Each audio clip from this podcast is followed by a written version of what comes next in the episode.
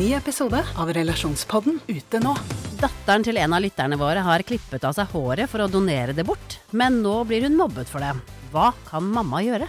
Og hva gjør du når 14-åringen ikke vil ha den kjipe stebestefaren i konfirmasjonen sin? Ta hensyn til konfirmanten eller til mormor. Hør Relasjonspodden gratis der du hører podkast. Hei dere, velkommen til Biohacking Girls podcast. Vi leder showet, og jeg er Alette. Og jeg er Monica. Vi er gode venner og kolleger, og vi legger sammen våre erfaringer og kunnskap for å inspirere deg til å bli din egen biohacker og optimalisere livet ditt. Vi følger med på ny forskning og trender, og stiller de spørsmålene vi mener er nødvendige. Ja, vi deler informasjon om biohacking, life coaching og fitness, og vi håper at du vil føle deg inspirert og klar til å ta et tak for å komme i den beste helsemessige form. Velkommen til Biohacking Girls podcast. Ja, På mandag så hadde vi en episode med dr. Jason Sonners. Vi snakket om eh, masse spennende temaer, men vi hadde da fokus på uh, hyperbar oksygenterapi. Uh, noe jeg har prøvd. Vi skal snakke litt mer om det utover i episoden i dag, for dette er en norsk liten recap på det vi snakket om med han på mandag. Alette, var det noe spesielt du følte det var interessant å lære om? Ja, jeg, jeg syns eh, faktisk han var utrolig ting, flink til å forklare dette med at selv om vi jobber og jobber med å forbedre helse og ikke merker så mye, hvordan han snakker om at det allikevel skjer ting uten at vi er klar over det, som vi hele tiden må jobbe om, det syns jeg var litt sånn aha-opplevelse for meg. For du, du venter hele tiden på skjer det noe, skjer det noe? Men det syns jeg var veldig kult, faktisk. Ja, og det var en liten note til oss òg, fordi at det, det, skjer ting på cellenivå som man kanskje ikke registrerer. Velkommen til Biohacking Girls. I dag skal vi sette fokus på helse og anti-aging. På mandagens episode så hadde vi som sagt med oss dr. Jason Sonners fra Miami i Florida. og Han er kiropraktor og en biohacking-lege som er opptatt av anti-aging. I denne episoden så snakker vi om det med å reversere aldring, og hvordan man kan unngå å bryte ned kroppene våre altfor tidlig. Tittelen vår var jo faktisk at vi vil ikke dø sakte. Og har kommet, de har kommet mye lenger i USA enn her i Norge, så det er alltid veldig gøy å snakke med utenlandske gjester som Sonners om det nye innenfeltet anti-aging. Og han er reflektert, og han er god til å forklare, og det skinner gjennom i samtalen vår at han har en kjempelidenskap for å hjelpe mennesker til bedre helse. Ja, det var helt klart, altså. Og først så begynner han med å bare litt fortelle om disse klinikkene sine. Han har jo en i Pennsylvania og en i New Jersey. Han forteller om hva han driver med der, alt det nye innen tekken når det gjelder biohacking, og han er veldig interessert i dette med regenerativ medisin, og han har absolutt biohacking på agendaen. Og så har vi jo fått en del eh, meldinger fra dere lyttere som lurer på om ikke vi kan åpne en klinikk sammen med han i Norge. Så ja, det skulle vi gjerne gjort. Ja, men jeg er jo veldig fristet til å dra og besøke han neste gang jeg er i Miami. Og det som er interessant med Jason Sonners, det er at han, han, han er en veldig god formidler, som jeg sa. Han, eh, han eh, vet å normalisere disse eh, store ordene som vi bruker i biohackingen, sånn at vi får dette helseperspektivet som vi er så opptatt av. Og hele spørsmålet bunner i noe som er så stort for oss alle. Vi lurer jo på hvorfor vi blir så syke. Altså klart, Du og meg Alette, vi vet at mye har med stress og kosthold og det vi snakker om stadig på denne podkasten. Men vi går liksom og venter på at helsen vår skal bare bli dårligere og dårligere, og så prøver vi å gjøre noe med det. Men man glemmer kanskje at aldring eh, er en helt naturlig prosess som man kanskje kan jobbe med, istedenfor å bare la oss bli syke.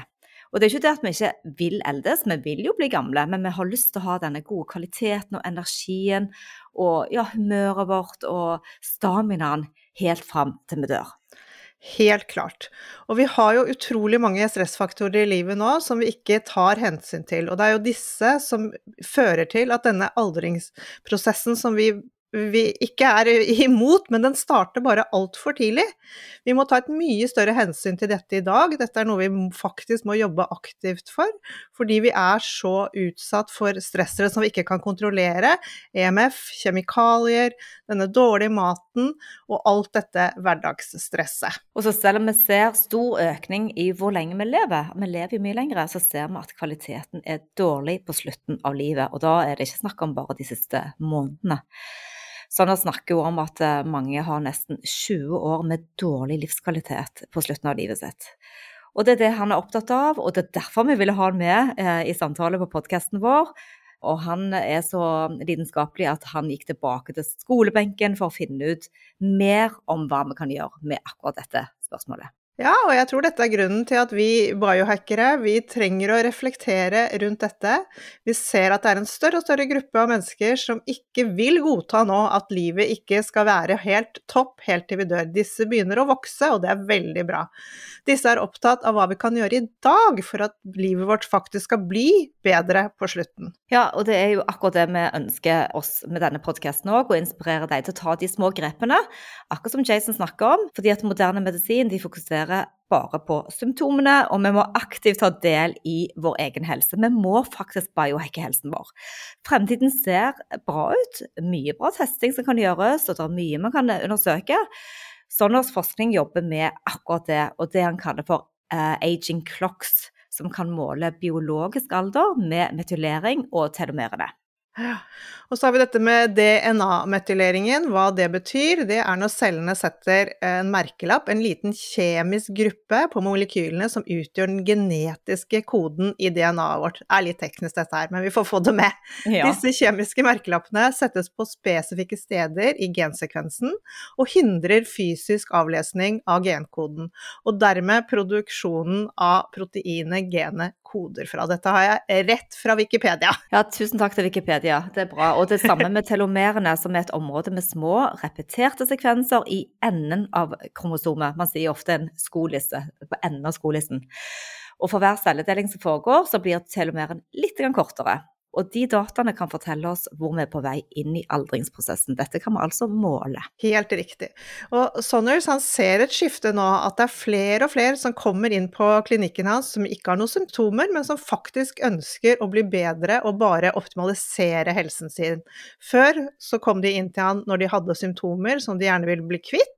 Forebygging, dette er bra. Han ser eh, at det å jobbe forebyggende, det har masse å si på livskvaliteten til de som er inne hos han. Ja, for vi er jo litt nysgjerrig på hvordan det ser ut når en klient kommer inn på kontoret. Og det er jo fordi at vi òg har lyst til å lære mer om hvordan vi selv som klienter og pasienter kommer inn på kontoret i Norge. Og han snakker om gentesting, som han gjør eh, noen av gangene, men han er ikke så sikker på at vi kan endre genuttrykket vårt med det første. Det er mer arbeid rundt eh, epigenetikken. Og han bruker en test uh, som er ganske kjent, som heter True Diagnostics. Den legger vi link til under, så du kan gå inn og se på. De skipper til Norge. Og der kan man lære hvordan du takler det miljøet som kroppen din lever i. Og det er et stort potensial for forbedring hos alle sammen. For det er noe vi kan ha kontroll over, det med epigenetikken. Jepp. Det er helt riktig. Vi må slutte å ha en passiv tilnærming med dette med å bli eldre. Det er sånn det funker hos fastlegen. Han kommer med eksempelet Sonners kommer med eksempel på en diabetiker som kommer inn og så nei, nei, det er fint, det er fint, du er helt innenfor, du er helt innenfor, gå år etter år. Ops, du har diabetes, nå må du ha medisiner. Så det er liksom det eksempelet på at uh, istedenfor å jobbe forebyggende, så venter man til problemet er så akutt at man kan settes på medisiner. Ja, Alette, og du vet jo òg det er mange med prostata og andre diagnoser òg som bare kommer tilbake med den der vedlikeholdsundersøkelsen. Så er det faktisk noe å gjøre. Så hvis du kjenner noen som har diabetes eller har eh, andre sykdommer som man kan eh, manipulere, eh, og ikke nødvendigvis eh, bare vente og se hvordan det går, så send denne podkasten til dem, så de kan få høre. For han snakker mye om testing Jason Sonners, og hva det kan vise om mønstrene vi har, vi har beveget oss og vi har spist gjennom et langt liv. Hva kan vi gjøre for å optimalisere alt det vi har snakket om nå? Og da begynner han å se på én og én liten ting og alle de små endringene sammen blir veldig stort. Og det er alt fra giftstoffer til hvordan det står til med tarmhelsen og, og, og dette med intoleranser, det har vi hatt. Eh, vi hadde jo en fin gjest på podkasten som eh, plutselig ble frisk, ikke sant Alette? Ja. Um, ja um, Renate. Renate, ja. ja. Renate, eh, som ble frisk fordi at det var intoleransene hennes som uh, sto i veien for hennes uh, helse. da. Hun var syk veldig lenge. Ja, det, Hvis ikke dere har hørt den podkasten, så gå tilbake og hør, for den er faktisk utrolig inspirerende. Vi snakker selvfølgelig med Sonners om mat. Og han er litt oppgitt over hvor langt fra det som er naturlig når det kommer til mat, vi er kommet. At dette med mat har blitt så utrolig komplisert for oss mennesker. For, vi har på en måte ikke en menneskelig diett lenger. Og for han mener at en menneskelig diett burde være rimelig standardisert. Vi er egentlig ganske like, med, bare med disse små forskjellene ut ifra hvor på planeten du bor, og hva som er tilgjengelig for der du bor. Men dette har vi nå altså surret til og la, laget det så teknisk og vanskelig for folk. Og han var litt frustrert over dette med kosthold. Og det er vel kanskje òg vår uh, store kampsak av dette. Uh, det er bare trist å se. Og du ser folk gående og stående og sittende overalt uh, med sånne poser med mat. og det er på en måte, Man kan heller ikke ha et sånt blikk hvor man ser ovenfra og ned. Man må prøve å forstå hvorfor samfunnet Folk er stresset, folk har mye å gjøre. Men det, det, ikke, det, kommer ikke til å slutte, for å si det sånn. Så det er bare én og én av oss, hver og en må ta dette på, eh, på, alvor. Og det er spesielt to ting som skaper store problemer for oss. Og det er jo det ene som har med mat å gjøre, men andre ting òg. Kronisk inflammasjon. Og når eh, mitokondriene blir ødelagte. Fordi at alle kroniske sykdommer som kommer til oss, stammer fra det maten vi spiser er jo selvfølgelig denne komponenten så, og dette med intoleranser som vi må finne ut av, og de giftstoffene. For vi kan ha for mye uh, av mye som da skaper ubalanser i kroppen vår. Og vi måtte spørre om han noensinne har sett en person uten giftstoffer i, i, i kroppen. Og svaret hans var nei, på alle de de tester, så er faktisk giftstoffer i hver og en av oss. Tenk på det. Men han sa at det, det er ikke alltid det er det største problemet likevel, fordi vi klarer jo å, rense mye så lenge vi har andre friske ting. Ja, og det er jo, dette er jo òg biokjemisk individuelt hos hver og en av oss. Og det er lettere å gjøre noe med ett problem hvis du kan se det på en test, at du faktisk har noe som kan forbedres. Sant? Sånn som med toksiner Eh, man blir motivert, man kan finne én liten ting å forbedre, og så er det disse små prosentene som da sammen blir en stor endring til slutt. Og så begynte vi da med hva som egentlig er forskjellen på dette med regenerasjon og degenerasjon. Og degenerasjon det er nedbrytningen, og regenerasjon er jo oppbyggingen. Katabolisk og anabolisk. Eh, og vi kan ikke være for lenge i hvert av disse stadiene. Vi må gå fra det ene til det andre for å skape autofagien vår. Denne fornyelsen av cellene. Vi må bli kvitt de dårlige cellene våre, så vi må frem og tilbake her. Så da stimulerer vi både vekst og fornyelse. Stamceller blir bygget, vi vasker og vi bygger. Det er en naturlig rytme i naturen vi levde i før, som vi da nå mangler. Så nå må vi inn og ut av disse stadiene. Vi må tenke mer på det. For vi har det ikke lenger naturlig i det moderne miljøet vi lever i. Vi må faktisk skape dette selv nå. Det er derfor vi må hele tiden tenke på disse forskjellige biohacksene våre. ikke sant? Og her er ett eksempel, er jo det å drive med faste. Da får vi faktisk sterkere celler. Ja, det er jo så enkelt. Gå og legge seg om kvelden og bare utsette frokosten litt, så, du, så er du i gang. Men dette òg med tradisjonell medisin mot eh, det som han kaller for regenerativ medisin, er interessant. For kroppen trenger utfordringer for å kunne stimulere denne veksten. Og øh, vi vil ikke dø sakte, nei. Dette med tradisjonell medisin og regenerativ medisin er òg veldig spennende, for kroppen trenger utfordring for å stimulere vekst. Tradisjonell medisin har gjort at vi ikke trenger det. F.eks. mat. Leger kan si at mat ikke har noe å si på sykdom. Men vi vet jo nå at det har det. Vi har distansert oss fra årsakene til sykdommen og tenker mer på hvordan man kan medisinere og døyve symptomene. Og det gjør at vi dør sakte, og vi får hjelp av medisinene for å lindre og døyve symptomene. Ja, jeg må bare komme med et eksempel, for jeg har hatt besøk av min far. Og han er ja. litt over 80 år. Og når jeg så det arsenalet med piller han tok for høyt blodtrykk og kolesterol og alt mulig, så var jeg litt sånn Ok, du er en av de som vi snakker om, i og med at det var akkurat denne podkasten vi holdt på med nå, tenkte jeg du er en av de som eh, har de siste årene dine full av medisiner. Men jeg, jeg, jeg, sa ingenting, det er ikke så lurt alltid.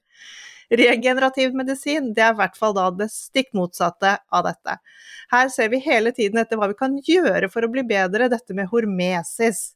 Vi vil skape endringer, og vi vil vi stimulere for å skape adapsjon og reparasjon.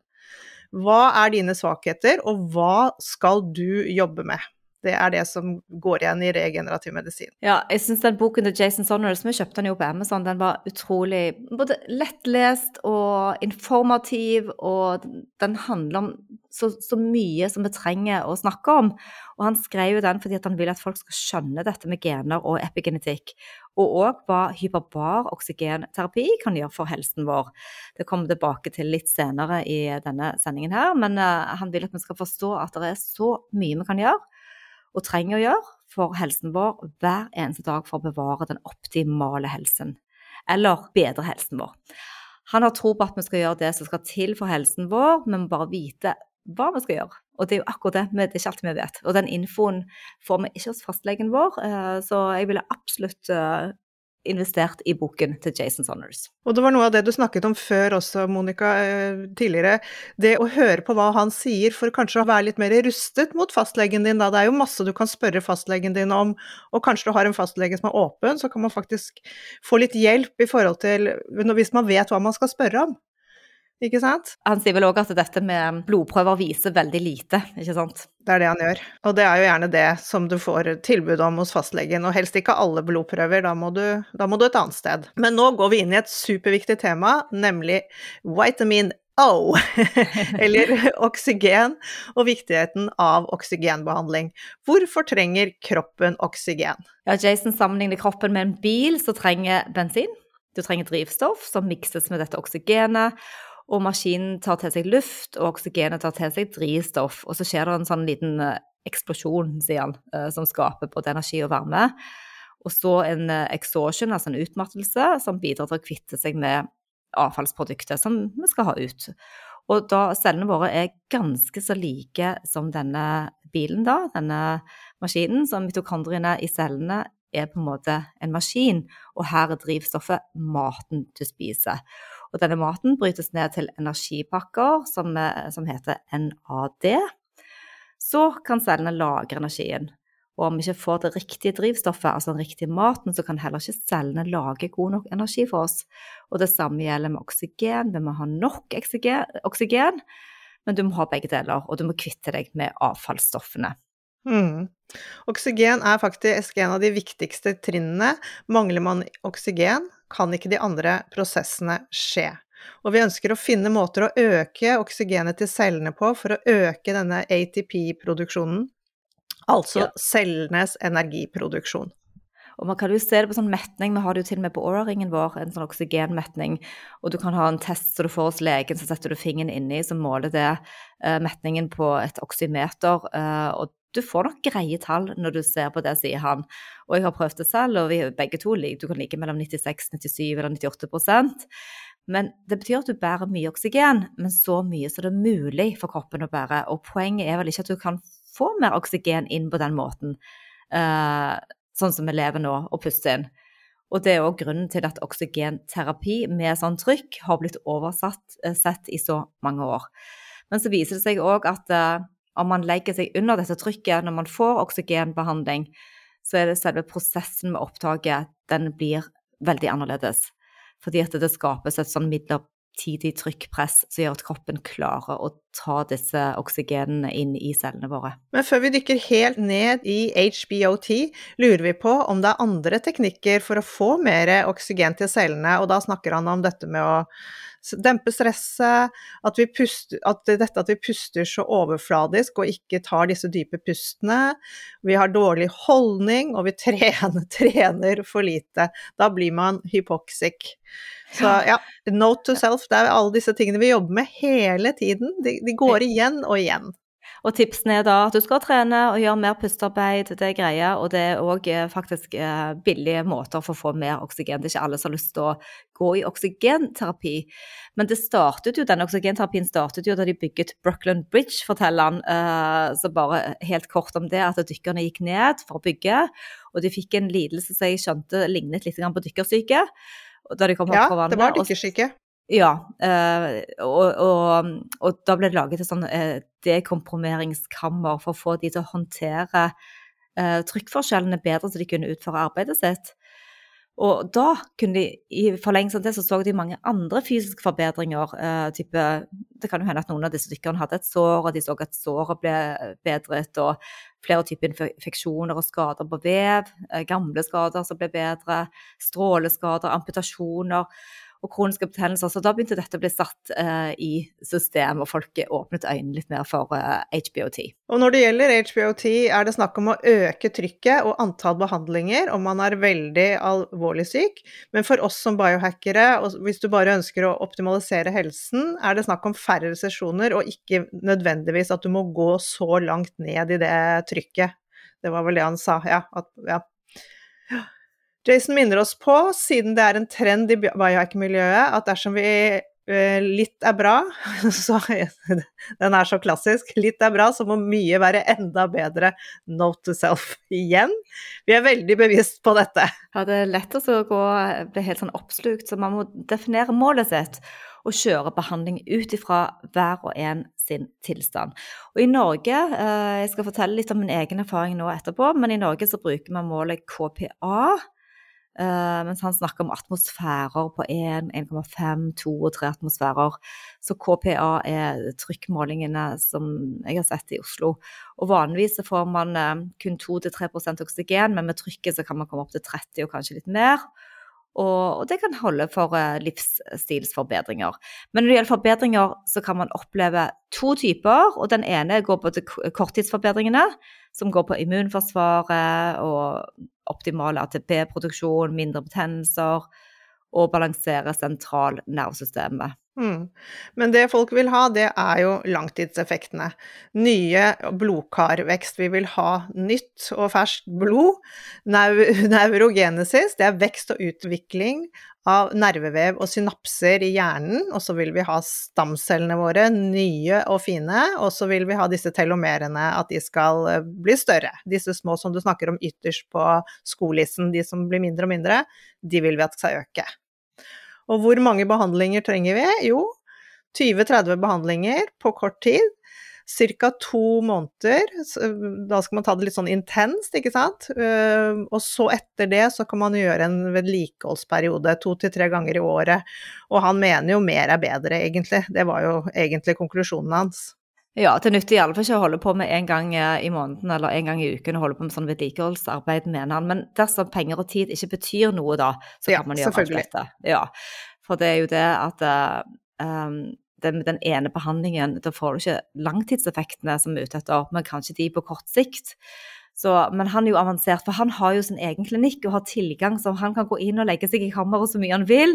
Heldiggris. Ja, og, og, og, med forskjellige nivåer og forskjellige trykknivåer. Så han, eh, jeg er ikke i nærheten av, av, det, men jeg kan jo kanskje dele litt av min erfaring, som jeg snakket også om på podkast med Jason, men kanskje enda litt mer her. Veldig gjerne. Jeg har veldig lyst til å høre litt eh, om dine, for du hadde noen fine spørsmål til han også, som eh, jeg vil at du skal dele. Ja, uh, for det første, første gangen jeg gikk inn, så var jeg ikke klar over at jeg skulle utligne trykket mitt, så det var egentlig veldig dumt. det ble kanskje sagt, men jeg bare fikk det ikke med meg. så jeg hadde litt trykk i ørene, sånn ubehagelig trykk. faktisk, jeg måtte ta en tur til han kiropraktor Kasper Andresen som vi hadde på podkasten. Han gjerne eh, nevrologen vår. Så, og da hjalp han meg med det. Men i alle fall, eh, Så det var litt dumt. Men eh, bortsett fra det så hadde jeg da 20 behandlinger, kjøpte en sånn pakke. Den kostet 20 000 kroner, så det var jo litt av en investering. Og dette gjorde jeg da som biohacker, ikke fordi jeg var syk. Jeg syns nok de 20 timene å ligge der var utfordrende for meg, fordi at eh, jeg har det veldig travelt, har mange jobber og klarte ikke å sove, for det, det, det er på morgenen klokken ni. Da er jeg jo opplagt, og jeg hadde nok likt bedre å bruke tiden på trening og på fritidsting eller ja, andre ting enn å ligge inni det kammeret. Så jeg var nok kanskje ikke helt sånn mottakelig heller. Men er det én klokketime du må ligge helt stille inni der? Ja, du ligger i, i, en hel time. Og hvis du har litt klaus, så kan det være litt ubehagelig òg, fordi det er jo et helt lukket Og du kan ikke komme ut hvis du får panikk eller angst eller uro, så kan du ikke komme ut på sekunder, for du må eh, decompress for, eh, før du skal ut av det. Og det kan du gjøre på to forskjellige, tre forskjellige hastigheter. Så det tar eh, fem til ti minutter før du er klar til å gå ut etter en session. Så du må, ja, du må sette av halvannen time. Men kan du, kan du, lese der inne? Har du liksom plass til å ha en bok? Ja, eh, og da ligger du med en pute, og så kan du ha pledd hvis det er kaldt, og så har du med deg bok. Det hadde iallfall jeg. Jeg leste masse bøker. Eh, så kan du sove de som vil det. Du kan, sånn som Jason, han drev med pusteteknikk, og det, det var helt uaktuelt for meg. Men Og så, kommer inn en av disse terapeutene, da, det er Christer f.eks. eksempel. vi kan legge link til du kan, hvor du kan finne informasjon fra Opp-klinikken eller K-klinikken. Men da kommer de inn, og så spør de gjennom en liten sånn høyttaler, uh, så du er ikke alene. Det føles ikke helt sånn panikkaktig, men om, om det går fint, om vi skal gå ned litt dypere i trykket da. Og det som skjedde når vi kom på sånn ni i trykk hos meg, da kjente jeg nesten at jeg ble svimmel. Det var ubehagelig for meg. Om jeg da mentalt bare fikk litt uro, for jeg fikk panikk, for det var så lang tid å komme opp til null igjen. Om det var det som skjedde, men da sa jeg du kan bare ta meg tilbake til åtte. Og det var litt fint å høre med Jason òg, at det er ikke nødvendigvis uh, det høyeste trykket eller det dypeste dykket som gjør at du får best effekt. Nei, nemlig. Men så har du vært på disse 20 behandlingene. Har du kjent noe, Monica? Nei, så jeg har ikke kjent noen ting. Men jeg gjorde jo en test både før og etter på Carino Helt. Da hadde vi tatt en sånn undersøkelse. Jeg kan finne linker på det. Og det var nok litt sånn cellehealing og økt nitro uh, nitric oxide uh, som, ble målt da. Så det skal jo, men, men, det er jo akkurat det, de endringene. Det er jo ikke det at du føler endringen så stort når man gjør en sånn type behandling som i nå òg. Og han sammenligner dette med supplementer, og da gikk jo vi fem på ja, vi tar supplementer. ikke sant? Nemlig. nemlig det syns jeg var så utrolig beskrivende, akkurat det. Når han spør ja, tar dere noen supplementer? Å ja, vi tar ditten og datten. Kjenner dere noe? Eh, nei. så sa han ja, det er det samme, dette jobber på cellenivå. Så da, da fikk vi Det, det syns jeg var veldig kult, faktisk. Ja, så vi bare tenker på oksygen som et næringsstoff, eh, og det er derfor han kaller det for vitamin O. Så tillater kroppen å ha nok oksygen, sånn at de andre prosessene, som type cellebedring og sånn, kan eh, virke bra. Men det er jo en del ting man skal kunne måle. Jeg kunne ikke se det heller. At det med økt HRV, økt rem, økt dyp søvn, økt energi og mindre syk. Altså, Jeg kunne faktisk ikke merke det, men det kan jo hende det skjer ting likevel. Det kunne hende at jeg ble forkjølet hvis jeg ikke hadde tatt den. Jeg vet ikke. Nei, det er akkurat det. Men, eh, men eh, jeg har jo også hatt en, eh, en, kunde som har gjort det samme som deg, men hun har jo vært veldig syk, så hun har hatt intense behandlinger. Og det som jeg syns var sykt med henne, som både hun og jeg så som tydelige tegn, det var at hun fikk utrolig mye penere hud. Altså den ble helt sånn glatt og pen, og det sa han ja, det kan være, det er jo en cellefornyelse som kan synes i huden. Men du har jo så pen hud, Monica, så det, det var ikke noe synlig på deg der. Nei, ja, takk skal du ha, men det var det ikke. Men han snakket om de fibro, fibroblastcellene og kollagenet som påvirker huden og ligamenter og vev. Og det er jo det som handler om sår og smerter og gamle skader og sånn som kan bli eh, bedre simulert. Så, så, man kan nok føle seg bedre, og dette med sårheling er jo òg vanlig hvis man er ute etter bare en sånn generell eh, velværeopplevelse, så, så vil man nok utsette aldringen på det, sier han. Jeg jeg, jeg syns det virker bare helt uh, magisk, men jeg bare venter på at det blir litt mindre dyrt, sånn at man kan faktisk fortsette med det. For det snakket han jo om, det er ikke noe vits i å ta den én gang i uken, men for du må, du må investere litt. Så, så jeg syns det er kjempespennende. Eh, men eh, det er jo andre fordeler her også. Vi får jo mer energi til mitokondriene og forbedring av de hvite blodcellene, og dette kan jo motvirke infeksjoner. Ja, så er det reduksjon av cytokinresponsen, altså mindre inflammasjon, mindre ødemer og hevelser. Ja, og dette med fibroblast, det snakket vi om syntesen uh, for å bedre kollagen, som vi ser på huden. Men òg frigjøring av stamceller, for du må på et visst trykk for at det skal skje, og det er over var det 40 eller 50? Jeg tror kanskje det var 50, at, at det påvirker stamcelleproduksjonen. Så det er jo fint. Det skjer ikke de første sesjonene, for du bygger deg opp når du ligger der. Du begynner kanskje på 20-30, og så neste gang er det 40, og så neste gang er det 50. Så det, og det er veldig viktig at man graderer seg inn i dette trykket. Så da har de forskjellige trykkene tydeligvis eh, litt forskjellig effekt på helsen vår. Men telomervekst er jo òg da, som vi snakket om, mindre oksidering, altså i forhold til oksidativt stress. Og så er det den energien til cellene, til mitokondriene, og neurogenese, som du nevnte tidligere, med vekst og utvikling av nervevev og disse synapsene til hjernen. Bare ett spørsmål til, eh, Ja. og det var det med For jeg husker du snakket så mye om trykk i ørene. Ble det bedre etter hvert? Ja, så nå, for det er det du skal gjøre, og da ligger egentlig en liten beskjed inne i kammeret, da. Eh, sånn at det, hvis du kjenner trykket, så skal du utligne trykket. Og hver gang du går litt dypere i trykk, eh, du går ned eh, og dykker dypere, hvis du tenker sånn, så, så øker trykket i ørene igjen, så må du blåse det ut på nytt. Men du du kan liksom åpne kjeven din og massere litt og sånn. Ja. Samme tingene Så- som man gjør i fly. Og så vil jeg også bare si at det er en alarmknapp på inni kammeret òg. At hvis du får helt panikk eller noe skjer, så trykker du på den. Og da er det den hurtigste nedgraderingen av trykket som skjer, og så åpner kammeret seg eh, automatisk. Så det, det, dette med trygghet er jo veldig viktig, for at, eh, det, det, var veldig skummelt å gå inn i, det må jeg si, med litt sånn halvveis uh, claustrophobia. men, uh, men, men, det gikk fint. Og da trygghet uh, Og det sier jo Jason at det er, at det er trygt. Ja, det sier han at det er veldig trygt. Og få, veldig få mennesker som, som, Det er ikke så mange som opplever den der klaustrofobien heller. Og det er jo sikkert fordi man er godt forberedt, da. Når man først gjør, går inn i en sånn behandling, så har man forberedt seg på det, mm. vil jeg tro. Så ja. Men, så er det det, men det er vel noe med sånn medisinering og sånn, hvor du skal være litt forsiktig med å gå inn i den. Det snakker han vel Ja. litt om, at det er ikke alle som skal ta det. Og det må man jo da snakke om. Og uansett så må du ha Du kan jo ikke bare gå inn i et kammer, trykkammer, du må jo snakke med noen, Ja. en terapeut. Ja. Så, men hvis du ikke klarer å ligne ut trykket i ørene, hvis du ikke mestrer det, da skal du visst ikke ha hyperbarbehandling. Hvis du ikke har den evnen til å blåse ut trykket. Og han mener jo at til og med gravide kan gå inn, uh, men det skal ikke vi gå god for. Så det, det var bare hans tanker. Så, så dette det kan òg, hvis du går for dypt, altså opp til disse var det tre atmosfærer han snakket om, så kan det skje en sånn oksideringsforgiftning. Men uh, tilbake igjen til less is more noen ganger, og vi biohackere som skal ha for mye av av det gode, så er det jo ikke nødvendig å ha så høyt trykk. Nei. Nei, så dette Det var en interessant episode. Jeg eh, Ja, jeg har lyttet på den flere ganger, og hver gang så hører jeg noe nytt, og måten han sier ting på, det er sånn Jeg merker at jeg har gått rundt og sagt Det, det healer på cellenivå, har jeg sagt hele uken. Når noen spør meg om hvorfor.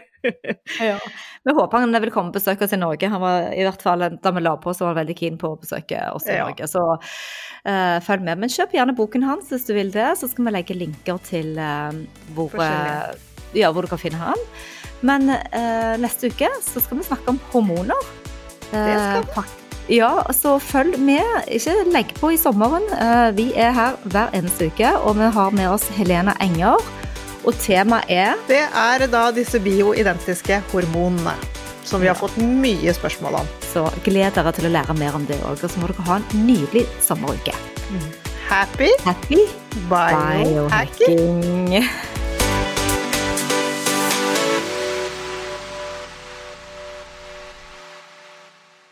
Vi minner om at dere må snakke med egen lege eller kostholdsveileder om dietter og andre spørsmål relatert til medisiner og supplementer. Informasjon vi deler kan ikke bli brukt til å diagnostisere, behandle, forebygge eller kurere noen sykdommer eller tilstander.